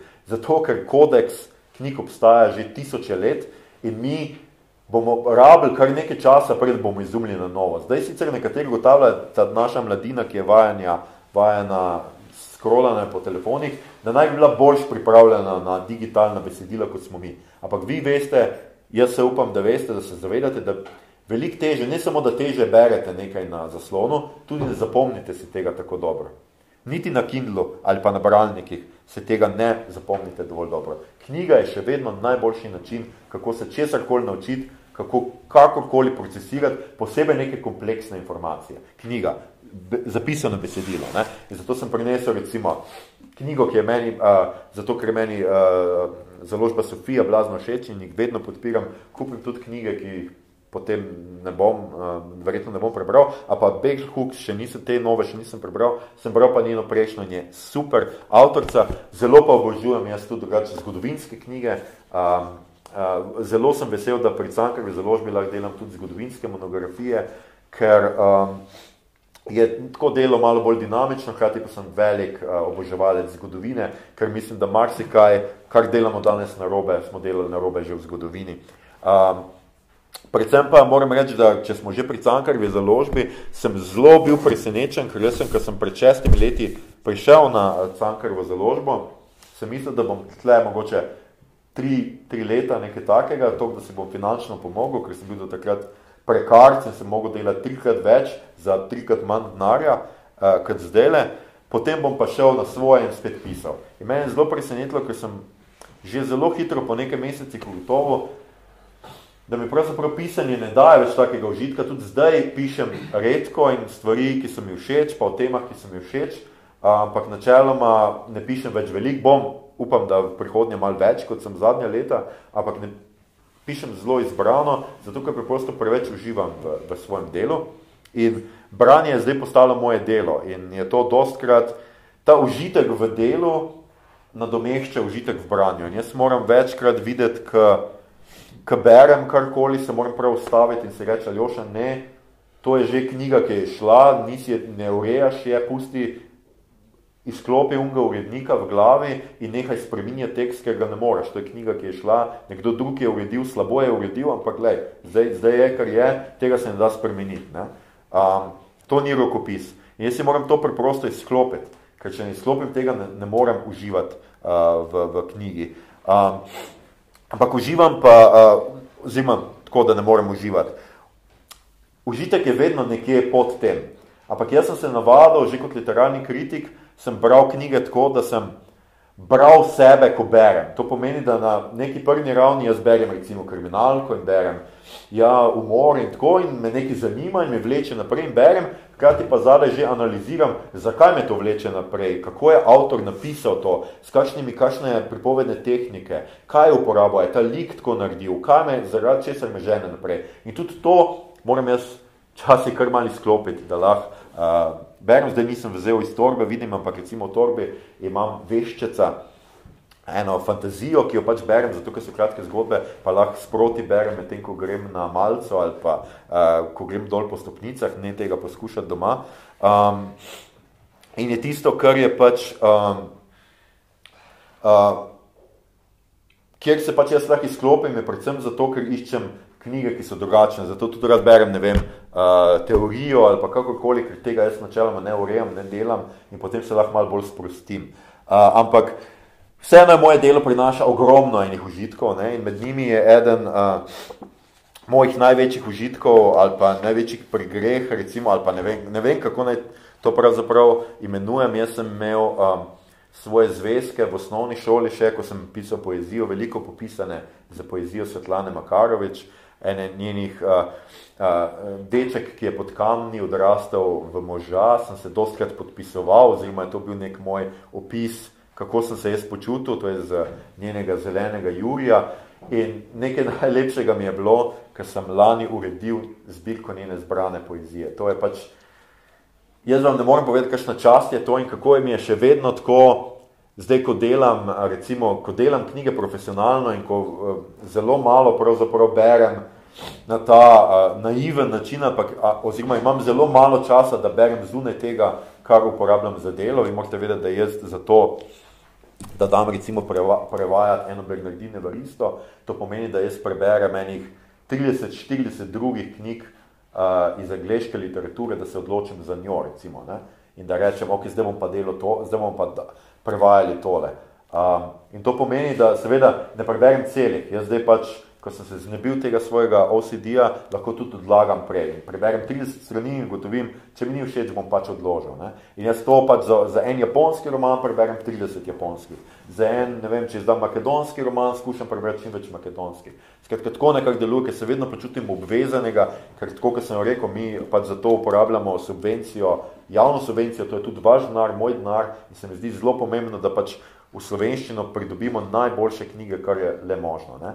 In uh, dosti krat lahko uživam samo takrat, ko mi recimo Katja Zakrajšek odda besedilo, v katerem skoraj da nimam kaj urediti. In lahko berem in sem tako, in se moram prav ustavljati in si reči, shit, zdaj si pa prebral tri strani, pa ne vem, če si karkoli popravil, a bi šel to še enkrat pogledati, natančno zihar si kaj spregledal, ker to je nemogoče. Ampak ja, je mogoče za dobro prevajalko in to je letošnja Sovretova nagrada, To je nagrada za najboljši prevod in jaz sem zelo ponosen, ker je to zdaj že moja druga knjiga v šestih letih, ki je prijela Savritovo nagrado, kar dokazuje ne kako kul sem jaz, ampak predvsem to, da znam zbrati dobre knjige in dobre prevajalce, ki pač dobijo za svoje delo uh, tudi uh, uh, priznanje. Ampak uh, tisto, kar hočem tu reči, je, da Ker gre za moje knjige, ko jaz urejam, pa delam moje knjige, niti ne gre za užitek. In tudi čist prav je, da, ne uži, mislim, da ni užitka med tem branjem, to je moj job, to je moje delo. Jaz tukaj je več kot le užitek, ampak vseeno pa mislim, da je to nekaj, kar, s čimer se vsi na neki točki soočimo. Na neki točki nam pač ne paše, brat. Zgodi se meni med pandemijo, jaz ne vem, kako ste bili vi, ampak jaz sem bil toliko živčen. Zjutraj sem najprej vstal v klopo poročila, gledal ono prvo tiskovno konferenco, se drl na televizijo, ugasno televizijo, tweetal kot zmešan, uh, potem se spravil končno nekaj delati, ampak brat nisem mogel. Zdaj se mi tak živčen čas. Vsi smo bili zaprti, jaz sem takrat se, bil ravno sred uh, selitve, sred uh, razhoda z takratno punco. Bilo mi je nekaj najbolj groznega na tem svetu, da sem mogel biti doma cele dneve in nisem našel koncentracije za brat. In s tem spet ni nič narobe. To gre v lovih se boste vrnili k temu. Jaz zdaj spet berem kot zmešan, zato ker mi je blazno užitek znova brat, ampak to je nekaj, v kar se ne da prisiliti. In zelo pogosto je otroci, ki končujejo osnovno šolo in grejo v srednjo šolo, posebej fantje, nehajo brati. To ne pomeni, da ne bojo nikoli več brali, lahko se bojo vrnili k brane pozneje. Je seveda fajn, če ne nehajo. Idealno bi bilo, da ne nehajo, pa da vsaj berejo malo in kot starših seveda lahko temu tudi malo prisilite. Ampak predvsem jaz upam, da tudi skozi to, kar sem vam do zdaj povedal, je treba najti pravo čtivo za njih, za tisti trenutek. In to, jaz mislim, da je nekaj, kar ni odveč veliko krat podariti. Če boste dobili pravo knjigo, boste spet našli veselje do branja. Ampak lahko, da je to pač iskanje kar nekaj časa traja. Meni je kar nekaj časa trajalo, preden sem znova začel brati in recimo Veščec je bil taka stvar, zato ker so bile kratke zgodbe, ker sem pregledal serijo, ki mi je bila všeč in ker se mi je zdel jezik za fantazijski roman zelo, uh, zelo dober in ker je to uredila moja kolegica, sem vedel, da je res dober urejeno. Še eno stvar sem hotel ljubezni do literature povedati, to je kratka, kratka proza Ane Svetel, ki mi je zelo blizu, uh, tudi ker tok zdaj, koliko sem rekel, da delam v literaturi, 15 let delam v literaturi, do zdaj so, v eni kratki zgodbi me je nekdo ubil, v eni drami sem, so se norca delali z mene, to pa je, uh, Ana Svetel je pa napisala v eni kratki zgodbi, nastopam kot lik, In to se mi je zdelo strašna čast, da nekdo, kot je Ana Svetel, ki je sijajna avtorica, napiše kratko zgodbo, v kateri nastopa en tip, ki uh, tvita moje tvite, uh, oziroma misli moje misli, ali karkoli je že bilo, in se mi je to zdelo res spet ena velika čast. In spet ena, jaz moram reči, ena čarovni uh, literature. No? Jaz si nikoli ne mislil, da bom kadarkoli nastopal v knjigah pa še v eni pesmi sem Mateja Kranca, no, to moram reči. Tako da imam že štiri stvari, no, uh, tako da ni, ni tako, ampak 15 del, let dela v literaturi, jaz mislim, da sem si tudi malo zaslužil. Uh, zadnja mogoče stvar, uh, o kateri bi vam rad govoril, je pa to, da mene pogosto vprašajo, in mogoče tudi med vami že kakšen nekdo izumil tako vprašanje, kdaj jaz se najdem čas, da vse to preberem, naredim. Resnica je, da malo spim, pa da zanemarjam svojo punco, ampak še bolje pa to, recimo pri branju je to, tako kot sem prej rekel, jaz berem posod. Dostkrat ja se zgodi, da ko grem iz uh, bajte, se pravi, mi imamo pisarni na četrtem štuku, grem dol med branjem. Skratka, hodim po štengah med branjem, grem zelo počasi, tako da ne bo koga skrbelo. Uh, včasih sem tudi, uh, uh, takrat, ko sem še imel psa, pa ko sem živel še na vasi, je, moj pes je bil, mislim, da največji največji navdušenec nad uh, kresnikom, pa nad tem, da sem jaz žiri, ker jaz sem večino knjig za kresnika, posebej tisti, ki so me delali živčne, bral na poti, ki so se s psom sprehajala.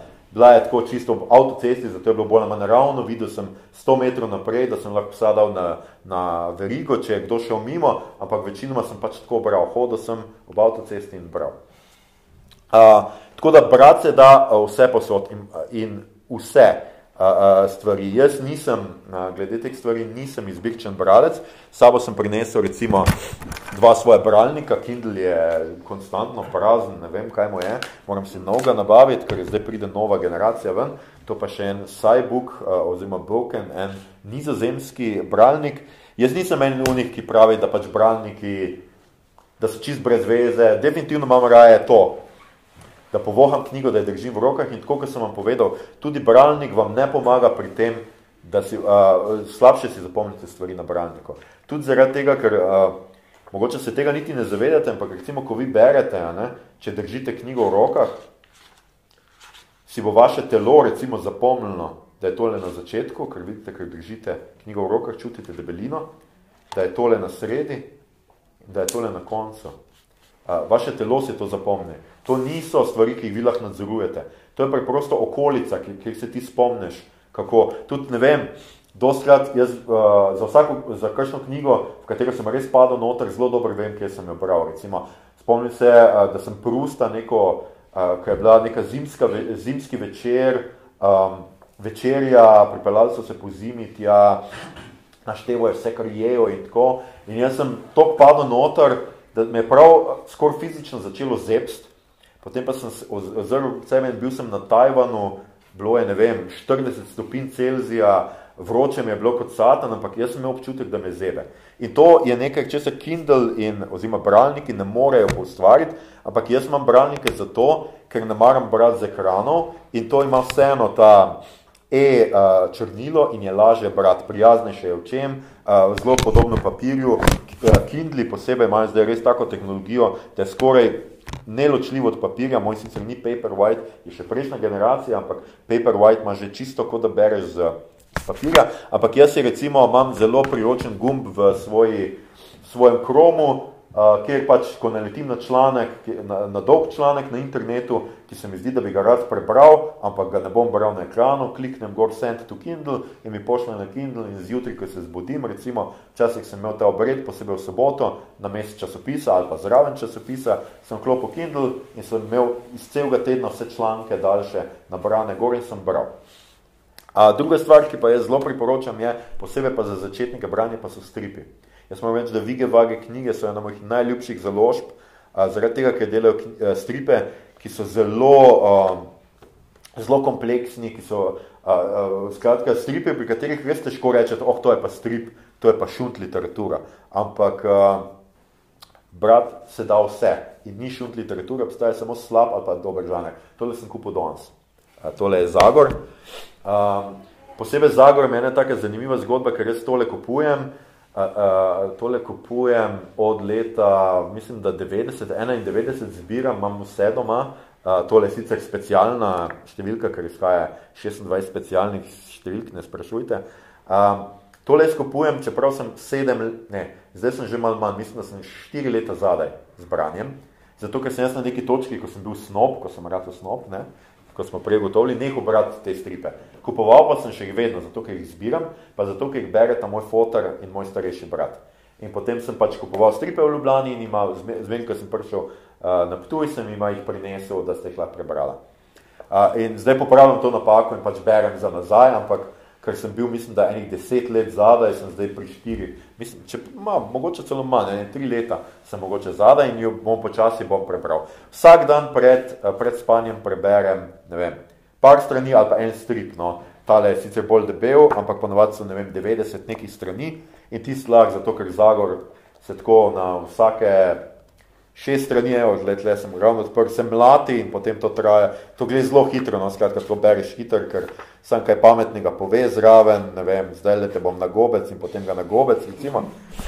Ampak uh, meni pač to pomaga, ker me manj sprošča, ker je neka stvar, ki jaz ne delam, nima nobene veze z mojim delom, uh, so ene take kratke postolovščine, zanimive, znanstvena fantastika, nadgrozljivka, In predvsem uh, tisto, kar, me, uh, pač, kar sem se podučil v enem članku in če se držim, je to, da je treba brati pred spanjem, ker zelo pogosto, kaj počnemo pred spanjem, je seveda tole. Ne? In pogledaš Twitter in Facebook in kaj je gor in kakšne novice še prebereš. In potem se nam seveda zgodi to, da ne moramo zaspati, slabo spimo ali pa ne, ne pridemo dovolj globoko v razne te uh, REM faze spanja. Ne? Zakaj se nam to zgodi? Zato, ker ta ekran sveti in nam to skratka, kaj že preprečuje nastanek melanina in zaradi tega uh, teže spimo. Branje pred spanjem pa točno to pač počne. Lažje zaspimo, dlje bomo spali in globlje bomo spali, če bomo brali pred spanjem. In jaz, ker ne morem, ne vem, kazanzaki sa brati, zato ker ne moreš prebrati samo 4-5 strani in potem zaspati, ker to so komple pri kompleksnih kakšnih knjigah, ki jih je treba več kosov brati, zato raje berem stripe pred spanjem. Včasih tudi poezijo, recimo, ampak naraje pa berem recimo stripe, zato ker me a, to pač absolutno sprošča, pa zaradi tega mogoče tudi zato, ker imam stripe v spalnici, pa sem mi vedno a, na, na dosegu roke. Um, tole sem hotel še povedati, a, a, pa še eno mogoče stvar, uh, ko smo že pri, pri stripih in, in pri tem, jaz ne vem, kako ste vi, ampak uh, meni se skratka to moje življenje kot bravca vidi uh, na vseh kotih mojega stanovanja, ne samo zaradi tega, ker imam pač polno knjig povsod in ker nekatere knjige se zdaj delam, kot da je on kup zato, ker ga bom prebral tam pri televiziji, v resnici je zato, ker ga nimam kam dati na police, uh, pa da imam pred, na nočni omarici, zato, ker, bom, ker to vse berem, ampak pač vem, da uh, slejko prej jaz pravim, da bom umrl tako, da me bojo našli pod kakšnimi policami, enkrat, ko bojo popustile.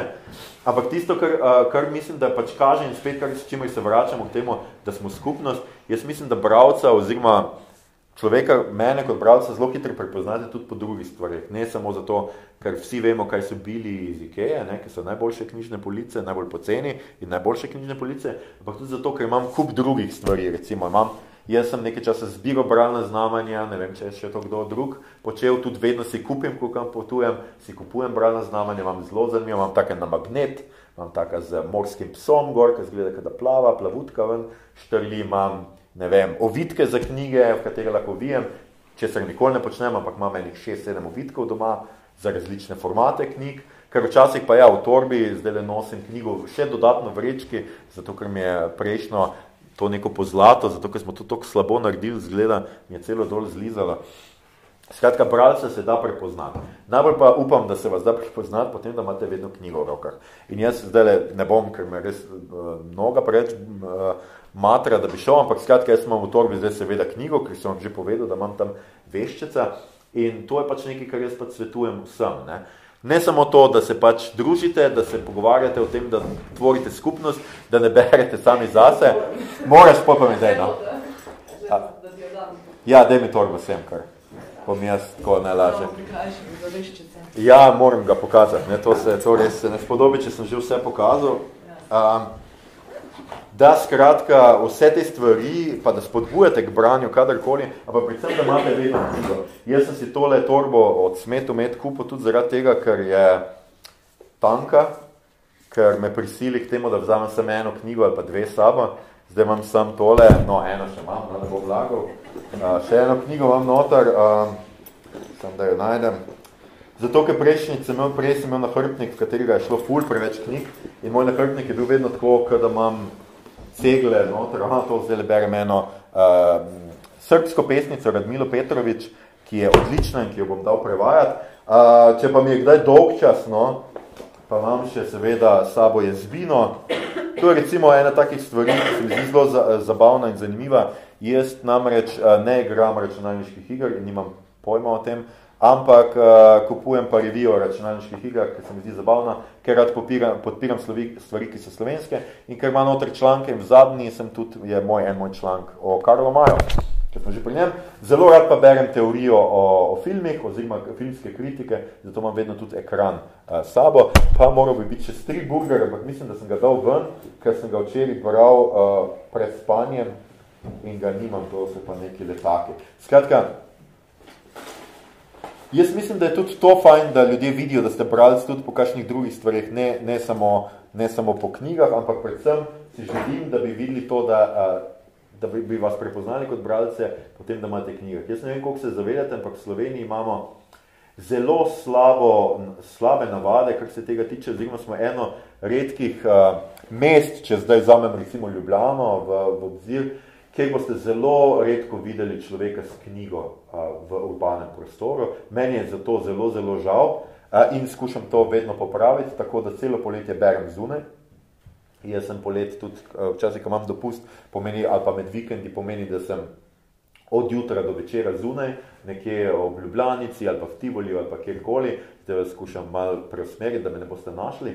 Um, skratka, vse čas skušam brati, ker mislim, da je to zelo pomemben signal v nekem javnem prostoru, da ljudje berejo.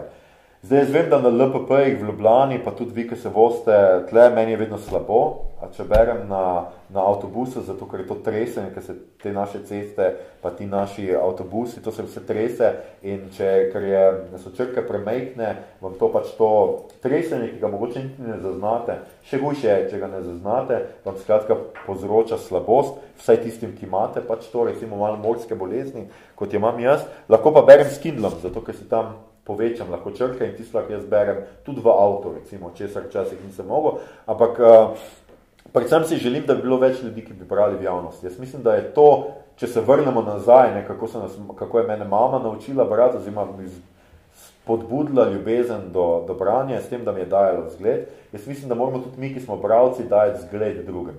In uh, meni ni nikoli problem uh, iti sam jest, nikoli nisem imel te obveze, da moram kolega ali pa kolegica ali pa punco ali pa brata ali pa ne vem koga najti, zato da bom šel jesti recimo v restauracijo, ker lahko berem. Nikoli mi ni problem čakati pri zdravniku, ker sem se neki uh, šel palec operirati, uh, sem čakal, mislim, da šest ur, prebral sem dve knjigi, bil sem najsrečnejši človek na svetu. Um, in nikoli mi ni uh, res nikjer problem, kakorkoli uh, z dolgčasom, Ker če mi je dolg čas, prvič to mislim, da ni slabega, če imam malo dolg čas v življenju, ni treba, da skozi bulimo telefone ali kakorkoli, čeprav tudi jaz dosti bulim v telefon, ampak predvsem mislim, da je dolg čas tudi neka motivator k temu, da, da veliko beremo. In jaz bi si želel od vas, ne samo, da imate moje knjige, pa knjige Cankarjeve založbe, čeprav bom zelo vesel, če vas tudi to vidim, ampak predvsem bi si želel, da, da, da berete. In za konec ena taka anekdota, ki... A, ki mogoče ni toliko povezana s tem, ampak hočem pa samo povedati, kako fino je, ko ljudje berejo. Jaz sem enkrat šel v Ljubljano na Pragerskem, na, na, Pragerskem in stopim tja do okence, da bi kupil karto. Vse veste, če kupujete, če hodite dosti z vlaki, veste, kakšni so ti ljudje za okenci, to je res užasno. Skratka, tam stojim, ne vem, minuto, dve, gledam, a, bo, a, a bi lahko vlak imam čez pet minut in ne vem kaj, in gospod tako zelo nevoljna odloži uno revijo, tam gore in me pač tako pogleda, ok, nekdo bi rad šel z vlakom, kaj hoče od mene, ne vem kaj. In potem jaz budala, mislim, ne budala, ampak tako gledam, kaj bere. In brala je revijo Gracija. Ne vem, koliko poznate revijo Gracija, gre za eno, uh, temu rečemo ženska revija, eno za modo in vse lepe stvari in tako naprej. Ampak fun fact, um, brala je seveda kolumno. In na tej kolumni je bila ena slikca enega fanta, moškega, bolj sem bil še takrat fant, ker je bila moja slika brala je mojo kolumno. Tako dobesedno, avtor njene kolumne se je prikazal po ne vem kakšnem spletu na ključi, rekli smo, da bo to sinhroniciteta, ne, ne na ključi, ampak sinhroniciteta pred njo in ona me je obravnavala pač kot vsakega drugega, predvsem sem jim pa šel na glazno na jetra, kaj nekaj hočem od nje in jo prekinjam v branju. Ampak tisti trenutek je meni bilo malo sicer nadležno in zdelo se mi je tako, mislim, a si ti tle zaposlena ali jaz, ali boš mi plunila to karto ven ali kaj, Ampak pol, ko sem šel na vlak in ko sem se pel v Ljubljano, sem bil pa tako, zakaj sem jaz, a sem jaz budala, zakaj sem jezen na njo? Ženska je dobesedno uživala v moji kolumni, padla je v branje v to, tok, da ni prepoznala človeka pred sabo, pa mislim, da sem se bil še kar podoben na uni sliki, predvsem pa pač sem jo motil pri branju. A ni to neki, seveda ni glih lepo, no, mislim, da v službi ljudje glih ne bi smeli brati, razen, če je njihova služba, da berejo, ampak Ne nazadnje se mi zdi, da je to neka čarobnost tekstov, pa čarobnost knjig, pa čarobnost tega, da beremo. Tudi to, da pademo noter in da smo kdaj mogoče nejevoljni, če nas kdo prekine. Tudi jaz sem znan potem, prijatelji, prijateljce, punce, me zelo pogosto opozarja, da, da je to zelo nevljudno, ker imam jaz navado, da če berem, pa nekdo pride, pa me prekine, da pač počaka do konca odstavka, da pač jaz ne morem prekiniti na sredo, ker pač ne bom procesiral vsega, tako da moram ponovati kar malo počakati, še posebej, če je kakšen odstavek dolg, a počasih tudi preberem do poglavja, tudi to znam. Skratka, tisto, kar hočem za konec povedati, je pa definitivno to, da dajte brati javnosti, dajte pač biti glasni, jasni, to, da ste bravci in predvsem jaz mislim, da bomo tako še marsikoga navdušili za branje. A, tudi jaz upam, da, jaz, koliko je rekla Anja, jaz mislim, da ste vsi tu bralci, ne nazadnje smo se dobili v knjižnici, tako da bi bilo res malo nenavadno, da pripričujem pri, že pripričane, ampak jaz upam, da smo, sem vam mogoče vsaj dal vsaj malo zamisliti, pa kakšna orodja, da boste lažje postopali, s kom, ki ne bere, ali pa s kom, ki bere stvari, ki jih vi ne, ali pa s kom, ki, za katerega bi želeli, da bi več bral, ali pa da bi bral stvari, ki jih, ki jih vi berete, in da boste pač uh, oboroženi s tem navdušili še kakšnega človeka. Jaz, tako kot vedno povem, uh, pri Cankarju založbi, kot glavni urednik, sem vesel vsakega bravca, vsakega, ki pobere mojo knjigo in nikoli me ni strah um, tega, da um, nikoli mi ni problem to, da komu kakšna knjiga, ki sem uredil, ni všeč, ali pa tega, uh, ni me strah tega, da knjiga ni kvalitetno narejena, ali pa da ni dobra, najbolj me je strah tega, da knjige nihče ne bo vzel v roke. In to je tisto, kar pač mislim, da je najbolj važno. Ob vsej hiperprodukciji, ob vsem, kar imamo Netflixi, ne vem kaj, ob vsem, kar se zunaj dogaja, je pač najbolj važno to, da samo imate to voljo, pa poberete knjigo, vzamete knjigo v roke in če zato navdušite še koga, da bo vzel katerokoli knjigo v roke, jaz mislim, da je to zelo plemenit cilj in jaz sem vam vesel za vsakega takega človeka, kjer, pri katerem vam to uspe. Hvala za pozornost. Bil sem mal dolg, tako kot ponovadi, zdaj sem že enkrat ne vem kaj, ampak če bo Anja dovolila, je so seveda še kakšne vprašanja, Ja, to sem pravzaprav tudi jaz okay. predlagati, da imate priložnost, če kdorkoli, um, karkoli bi vprašal, naj zdaj vpraša. Ja, jaz imam, jaz imam v bistvu pol vprašanje, pol komentar. Mm -hmm. um, zdaj se mi, da se zajel fulenih um, aspektov branja, ampak nismo se pa veliko stavili pri hitrosti branja, kad eni zelo posebni izkušnji, mm -hmm. ki recimo imam očetek se tudi profesionalno ukvarja z literaturo in lahko tudi prebere več romanov na dan, mm. če hoče. Imam vsaj dva prijatelja dislektika, um, ki pač se zelo težko loti ta romana. Recimo, Ja. Naprimer, in tudi pač zate očitno, da si hiter bralec. Um, se mi zdi, kako pa recimo to komentiraš, da so recimo počasni bralci. Um, ne vem, zgubljeni primeri, če se zelo grdo izražam, pa nisem tako mislim, ampak tako. Razumem, kaj hočeš Ja. povedati. Ampak, ja, še, ja. Um, ali bi ti na tem mestu celo posegel neke vaje, kad um, Aha, vaje za hitrejše branje. strukturirano lotaš tega, ali je sam praksa po tvoje, ki naredi hitrega bralca? Um, jaz mislim, da je praksa, če začnemo od zadaj. Drugo pa je mogoče, da bo presenetilo, jaz nisem tako hiter bralec. Okay. To ni, ni čisto res. Mislim, lahko hitro preberem, če želim. In pa um, dostkrat kakšno stvar hitro preberem, ampak načeloma jaz berem tudi precej počas. Zato, ker um, to moje branje, da sebe opazujem pri branju, zahteva nek določen čas in zahteva tudi neke razmisleke. Jaz tudi zelo redko berem, ne da bi si zapisoval. Tudi če berem zase, si zelo pogosto kaj zapišem. Tako da jaz ne bi rekel, da je to, to samo po sebi ni problem. Verjamem pa, da za dislektike, recimo je pa seveda problem, en vel, velik roman pomeni veliko prepreko, veliko um, spopad z eno težko nalogo, ne, ki mogoče celo zgleda nemogoče. Ampak ja, jaz definitivno mislim, da je nekaj tisto, kar je praksa. A hkrati pa tudi knjige se da danes tudi konzumirati, grdo rečeno, ampak ne vem kako, čak, kako smo že temu rekli, na tudi druge načine. Ne. Zdaj recimo uh, tudi Slovenijo prihajajo zvočnice, nočem propagirati eh, mladinske knjige in mladinske knjige plus, ampak prihajajo pa zvočnice, so že nekaj časa pri nas in nekateri si zdaj zelo pomagajo z zvočnicami, tudi s tem, da poslušajo. Nekateri pa celo to pa, um, sem jaz tudi zdaj zadnjič prvič slišal in moram kaj več o tem prebrati, uh, tudi naj bi pomagalo oziroma uh, bilo zelo fajn pri disleksiji ali pa pri počasnem branju, mogoče tudi, da poslušajo in berejo ob tem, da poslušajo. Se pravi, da zvočnice poslušajo in berejo. To še jaz nisem počel in se mi zdi nenavadno, ampak ne nazadnje se smo tako v šolah začeli. Ne? Tudi učiteljica nam je ali pa je sošolec bral, mi smo pa brali zraven. Tako da jaz ne bi rekel, da je zdaj počasno branje izgubljeni primer. Jaz upam, da ne, no, ampak uh, jaz tudi recimo pesniške zbirke berem zelo počasi. Jaz imam pesniško zbirko, preberem dve, tri pesmi, pa imam pa že skoraj dovolj, ker če so tako, posebej moj mlajši brat, ki piše tako, da moraš pri vsaki pesmi vers vsak šestkrat premisliti, pa skužiti te vse te besedne igre, pa ne vem, kaj se je ono našel, se mi zdi, da je zelo pomembno, da počasi. Jaz pravzaprav sem bolj, se mi zdi, branje je več vredno, če je počasnejše, no, pa da je res poglobljeno. Ker se mi zdi, da včasih tudi jaz, ko nekaj na hitro preberem, imam bolj feeling knjige, ali pa ne opazim vsega, kar, kar bi uh, prebral. Tu včasih kot literarni kritike sem mogel prebrati, ne vem, knjigo za naslednji teden, prebrati v dveh dneh, pa v dveh dneh napisati neko stvar, se mi zdi, da kakšne stvari nisem čist dobro prebral. Ne. Uh, zato jaz mislim, da je bolj, da poglobljeno beremo in da imamo tempo, kakšno ga imamo. V to se ne da, ampak vseeno pa mislim, da pa s prakso, seveda s prakso gre to vedno laže. Ne. Kakšne stvari bomo pol kar leteli skozi, ker bojo pač ne bojo to kompleksne, da bi se mogli ustavljati, pa jih bomo, kakšne pa pač ne, kakšne pa pač zahtevajo uh, daljše poglobljeno branje. Hvala. A bi še kdo kaj rekel? Mene mogoče zanima, kakšna je povprečna naklada slovenskega avtorja? Aha. Uh, po, poprečna naklada, uh, zdaj, če je tako, če je subvencionirana, je 500, 500 izvodov. Poprečna naklada bo po moje nekje slovenske knjige nasploh je enih 700-800 izvodov, zato ker obstajajo knjige, ki so naklada tisoč pa neki, večina pa jih je 500, pesniška zbirka je pa tam 200-300.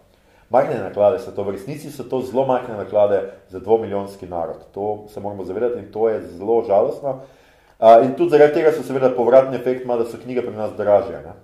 Knjige bi bile cenejše, če bi seveda ti lahko računal, če bo jaz računal, da bom eno tako knjigo prodal vsaj v 500 izvodi, kar bi se mi zdelo, čist bi bila ta lahko, ne vem, 14-15 evrov, zdaj pa je 19. Ne? Uh, tako da ja, tako je nekako, zdaj uh, je pa različno, ne? mislim, neuveljavljen avtor še nič ne pomeni. Če je knjiga subvencionirana z uh, javno agencijo za knjigo, potem je 500 minimalna naklada, ki jo mora založnik natisniti. Ne sme manj. Če je proza, če je pesniška zbirka, je 200 ali 300, 200 se mi zdi.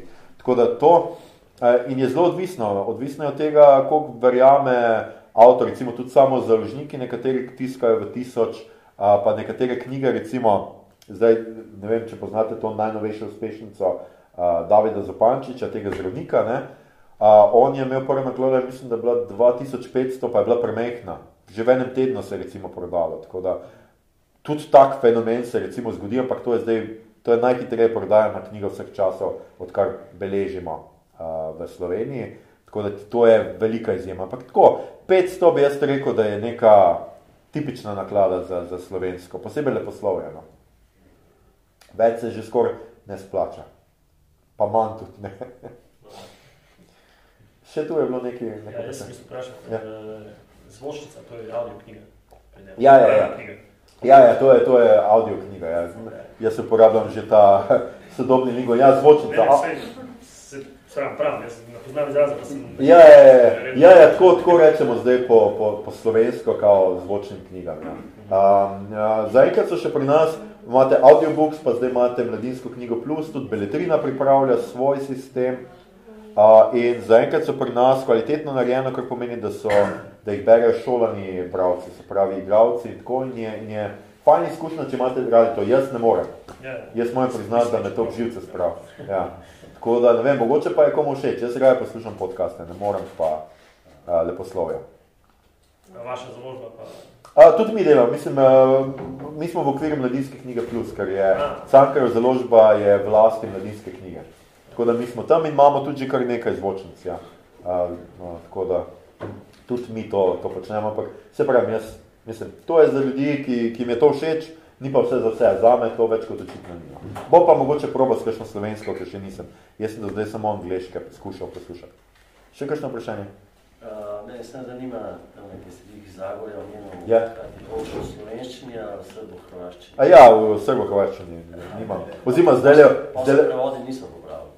A ja, ne, se v resnici, vse zelo malo je šlo prevod v slovenščini uh, Zagora uh, kvečemo kakšne revije, drugač pa tako kontinuirano, pa nikoli. Zdaj sicer treba itak reči, uh, grdo se neko srbo hrvaščina, hrvaščina in srbščina no, zdaj, no? ja. to, to se zdaj ločuje. Tisti, tisti, ki so bili pač v 80-ih ja, ja, ja. Tisti je bilo pa srbo-hrvaška. Ja, kupujemo boje, tako da imam srbske in hrvaške, tako da srbske naročam po izvozu, po izvo, uvozu za ene striparnice, hrvaške so pa na slovenskih trafikah, tako da to. Ker to zbiram, ja, tako, kot sem rekel, od leta 91. Imam preko Zagor mislim, da je že preko tisoč nekako v slovenščini, v srbščini, hrvaščini. Ja. E, mi smo tega ste prebrali. Ja, ja, to se včasih... Opa, ki sem dobil, recimo, Alana Forda, slovenski prevod, pa... Ni bil všeč? Ne. ne. Ja, ni šlo, ker je navada. Ja. ja, to je, to je včasih navada. Ne. Jaz meni tudi kakšna... Jaz moram reči, recimo, je pa tudi obratno, da je možno. Ne. Jaz sem bral kam sem jo pa otaknil, aha, Bernardine Varisto v angleščini niti približno ni bila tako všeč, kot mi je bila pol slovenščini. Pa sem vam za nekoga, ki res obvlada angleščino, ampak nekako mi ni tako sedla, zdela se mi že v redu, zato sem jo naročil, da se prevedem, v resnici sem jo prvič prebral, ko sem jo dobil v, v prevodu, ampak je pa stvar navade. Nekateri, ful dosti ljudi pravi, da jim Alan Ford ni bil všeč v slovenščini, jaz sem ga pa najprej bral v slovenščini in zato se mi ni zdel tako grozen, je pa res, da mi je bil srbo-hrvaški boljši bile so te dobre finte, ki pač tudi v srbščini bolj zvenijo. Ja, slovenski jezik, pač par stvari nima. Ja, ja. Se pravim, to je odvisno. Ne? Recimo, če berete štoparski vodnik po galaksiji Douglasa Adamsa, je pa v slovenščini v resnici bolj zabavno. Jaz ne morem verjeti, ampak jaz sem bral tudi v angleščini in niti približno ni toliko duhovit, kot je slovenski prevod. Je ena stvar notar, no? uh, ker je pač očitno ta prevajalec tako dober ujel, da je ta slovenščina pač deluje tako naravno in tako dobro. Tako da ja, mal, malo je stvar navade. Še kakšno vprašanje? Ja, um, ne vem, če sem prav razumela, ja. oziroma nisem razumela. Gospa govori, da ti ja. bilo všeč, ker ja. je ljubezenski roman in tega ne maraš in roman o odnosih in zakonske življenju. Um, Jane Austen pa maram. Ja, ja. ja.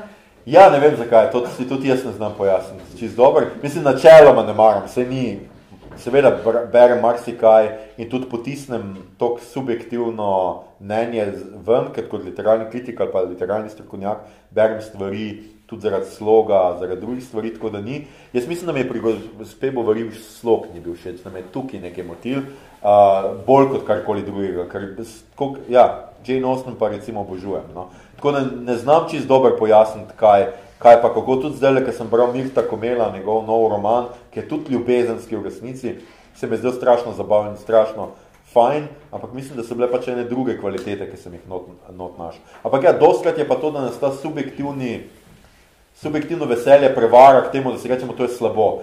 Ja, mogoče slabo za nas, zato ker pač tega ne maramo. Jaz uh, ne maram resničnostnih šov, mogoče je pa kakšen, ki je dober narejen, pa zanimiv, pa tako, ampak jaz jih tako že fizično ne morem, ker sem gledal, ne vem, dva dela neke slovenske in sem bil sam tako, kva se tle dogaja in kako lahko to neham gledati. Um, tako da, um, tukaj je pač dost, dost takega, kar si hotel sem povedati, je sem res to, da vas nikoli ne sme biti strah reči, da nekaj ni dobro. Tudi če je cel svet, pa cela zgodovina rekla, da je dobro. Jaz recimo tudi Dostojevskega nimam tokrat. Jaz sem bolj Tolstoj. Uh, imam raje vojno in mir, zločin in kazen se mi je zdel tako sto strani predolg. Jaz bi ga skrajšal kot urednik, recimo. To rad povem. To rad povem mladim avtorjem, ker včasih pride kdo pa reče, joj, kako urednik, pa urednik, vse ste mi ven vrgli in potem jaz rečem, ja, tudi Dostojevskemu bi kaj ven vrgel, recimo. No. In gospa govori, ne bi šla, če bi bili. Ja, po moje. ja, no, upam, upam, da bi prepoznal. Ne, sej, kot urednik jaz izdam tudi kaj, kar meni osebno ni toliko všeč, recimo. V naslednjem letu že imam recimo dve knjigi, ki mi nista toliko blizu. Ampak prepoznam pa kvalitetno in se mi zdi, da so dobro napisani. Zdaj pa, uh, a bo to prepoznal tudi bratci, tudi kdaj se, zmo, tudi kdaj se zmotim. Ne? Jaz rad tudi povem to, da sem do zdaj zavrnil um, šest knjig, ki so bile kasneje nominirane za kresnika. Ena, dve od tega so bile celo med nominiranimi pet za kresnika. Jaz še vedno mislim, da so to slabe knjige in da ne bi smeli biti nominirane, ampak to ne, ne pove nič. To je en človek, tudi malo okusa, tudi malo Tudi, ne nazadnje, tudi kilometrina, to, kar, ko jaz rečem kilometrina, ne, dobro, jaz sem prebral sicer potem ves kanon, ne, se pravi vse, kar mi danes imamo za ne, vrhunce literature, kar obravnavamo po šolah, pa to sem vse prebral. Absolutno si tako ti nekako izoblikuješ, ampak ne nazadnje je zelo odvisno. Ko jaz rečem, da je neki kliše v neki knjigi, lahko da vam ne bo. Zaradi tega, ker jaz sem mogoče prebral druge knjige, kot vi, Recimo zdaj, ker sem delal Benedikta Velsa, njegov novo, nov roman, jaz če bi bil njegov urednik, bi mu takoj rekel, Allah ne prizora, v katerem mladi skočijo v Tolmun z visoke skale. To je v vseh ameriških filmih o odraščanju. In če imaš ti reference na vse ameriške filme o odraščanju, si ne moreš privoščiti takih klišejev noter. Absolutno bi mu to rekel. Ampak možno, da una urednica, mislim, da je bila urednica, ker se ima na koncu zahvalo, seveda ni gledala vseh teh filmov ameriških, ki jih jaz vsako leto gledam in vsako leto imaš, ko neko otrok odrašča v Ameriki, je ena od stvari, ki jih naredi, da skoči z nekega visoke skale v jezero, morje, reko, karkoli od tega. No? Uh, in to je zelo odvisno tudi od kulture. Uh, jaz se pogosto sprašujem kot urednik, ali knjige, ki jih mi prevajamo iz indiščine, iz, iz Indije, iz eh, Japonske, iz Kitajske, ali so to res najboljše knjige v njihovem jeziku in kulturi? Niso. To se lahko hitro odgovorimo. Niso, zato ker recimo v, A, v azijska literatura ceni ponavljanje, ceni navezave na tradicijo. Vse to, kar mi v zahodni literaturi ne cenimo. Mi cenimo nov, inovativnost, novosti, cenimo aluzije že, ampak ne dobesednega ponavljanja nekih prizorov in imamo mi čist drugo estetiko in k nam lahko pridejo knjige samo, ki so prilagojene a, zahodnemu občinstvu. In to je ena velika luknja, ki se je skušamo nekako jo priboriti, ampak v končni fazi ti mimo tega, kar, te, kar so tebe naučili, da je dobro, kvalitetno, ne moreš, niti ne moreš iti, da ne pozabimo, seveda, da so omejitve v jeziku. Ne? Jaz berem angleško, nemško, hrvaško, srbsko, več pa ne, ne. In jaz moram se dosti zanesti na prevajalce ali pa na prevode v angleščino, nemščino, hrvaščino, srbščino, ki so lahko slabi. Ne. In jaz lahko včasih popolnoma zgrešim. Tudi to se mi je zgodilo, da sem kdaj naročil ne samo sovretove nagrajence, ampak tudi kakšno knjigo, ki sem jo potem prebral, ko sem jo dobil kot urednik in bil Jezus, kaj mi je bilo tega treba res. Ta denar bi rač porabil. Če bi ga skozi okno vrgli, bi bilo boljše, da sem to knjigo naročil. Ampak prevajalci je rekel, da je super, prevod je čist super, ampak knjiga sama pa ni dovolj dobra. Ampak zato, ker bereš ti samo dva, tri odlomke, ker se zaneseš na prevajalca, je lahko se tudi to zgodi. Ne? A to britanska avtorica um, Almenta, ja. si zato uredil, ker ti je všeč, a ker je pač nagrado? Ja, ja, to je uh, Hilary Mantel, en mojih najljubših avtorov. Jaz sem bolj bolj prebral par let nazaj, bil nadušen in sem si zelo želel, bila je celo uh, moja prva želja, ker sem prišel na Cankarevo in smo tudi kupili, mislim, da je moja druga knjiga, ki sem jaz naročil naši agentki, da kupi avtorske pravice, ampak potem je prevajalka zbolela in smo menjali prevajalko in je bilo kup nekih stvari. In najbolj grozno je to, da, sem si zelo, da smo imeli načrt in smo tudi že pisali povabilo, da bi po tretji knjigi, ko bi izdali tretjo knjigo Hillary Mantel, prišla v Slovenijo. In jaz sem si zelo želel spoznati, ker sem bral vse intervjuje z njim, krasen človek, ampak je letos umrla. Ne? In je to eno najbolj groznih in tok sem jezen, da nisem že takrat dal drugi prevajalke, ker do zdaj bi že vse tri šle in ona bi lahko že lani bila recimo pri nas. No. Tako da ja. ja. Si izpolnjujem tudi želje pri, pri Cankarju založbe. Tako da, ja, tudi kaj preberem, pa mi je všeč, takoj dam program, to pa priznam.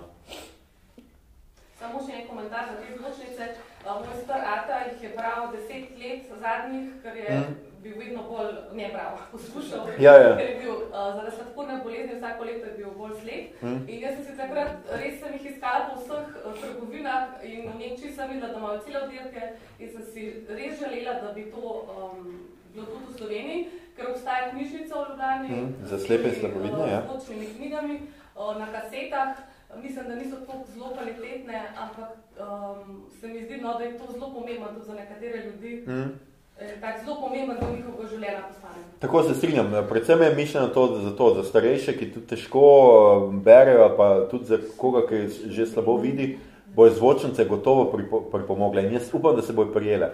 Zdaj je samo zelo pač važno, da, da se primejo, ker trenutno, pač, kot sem rekel, mladinska knjiga je zelo velik vložila, to tudi beletrina, kolikor vem, bo veliko vloženo in bo veliko knjig na, eh, na zvočnih formatih.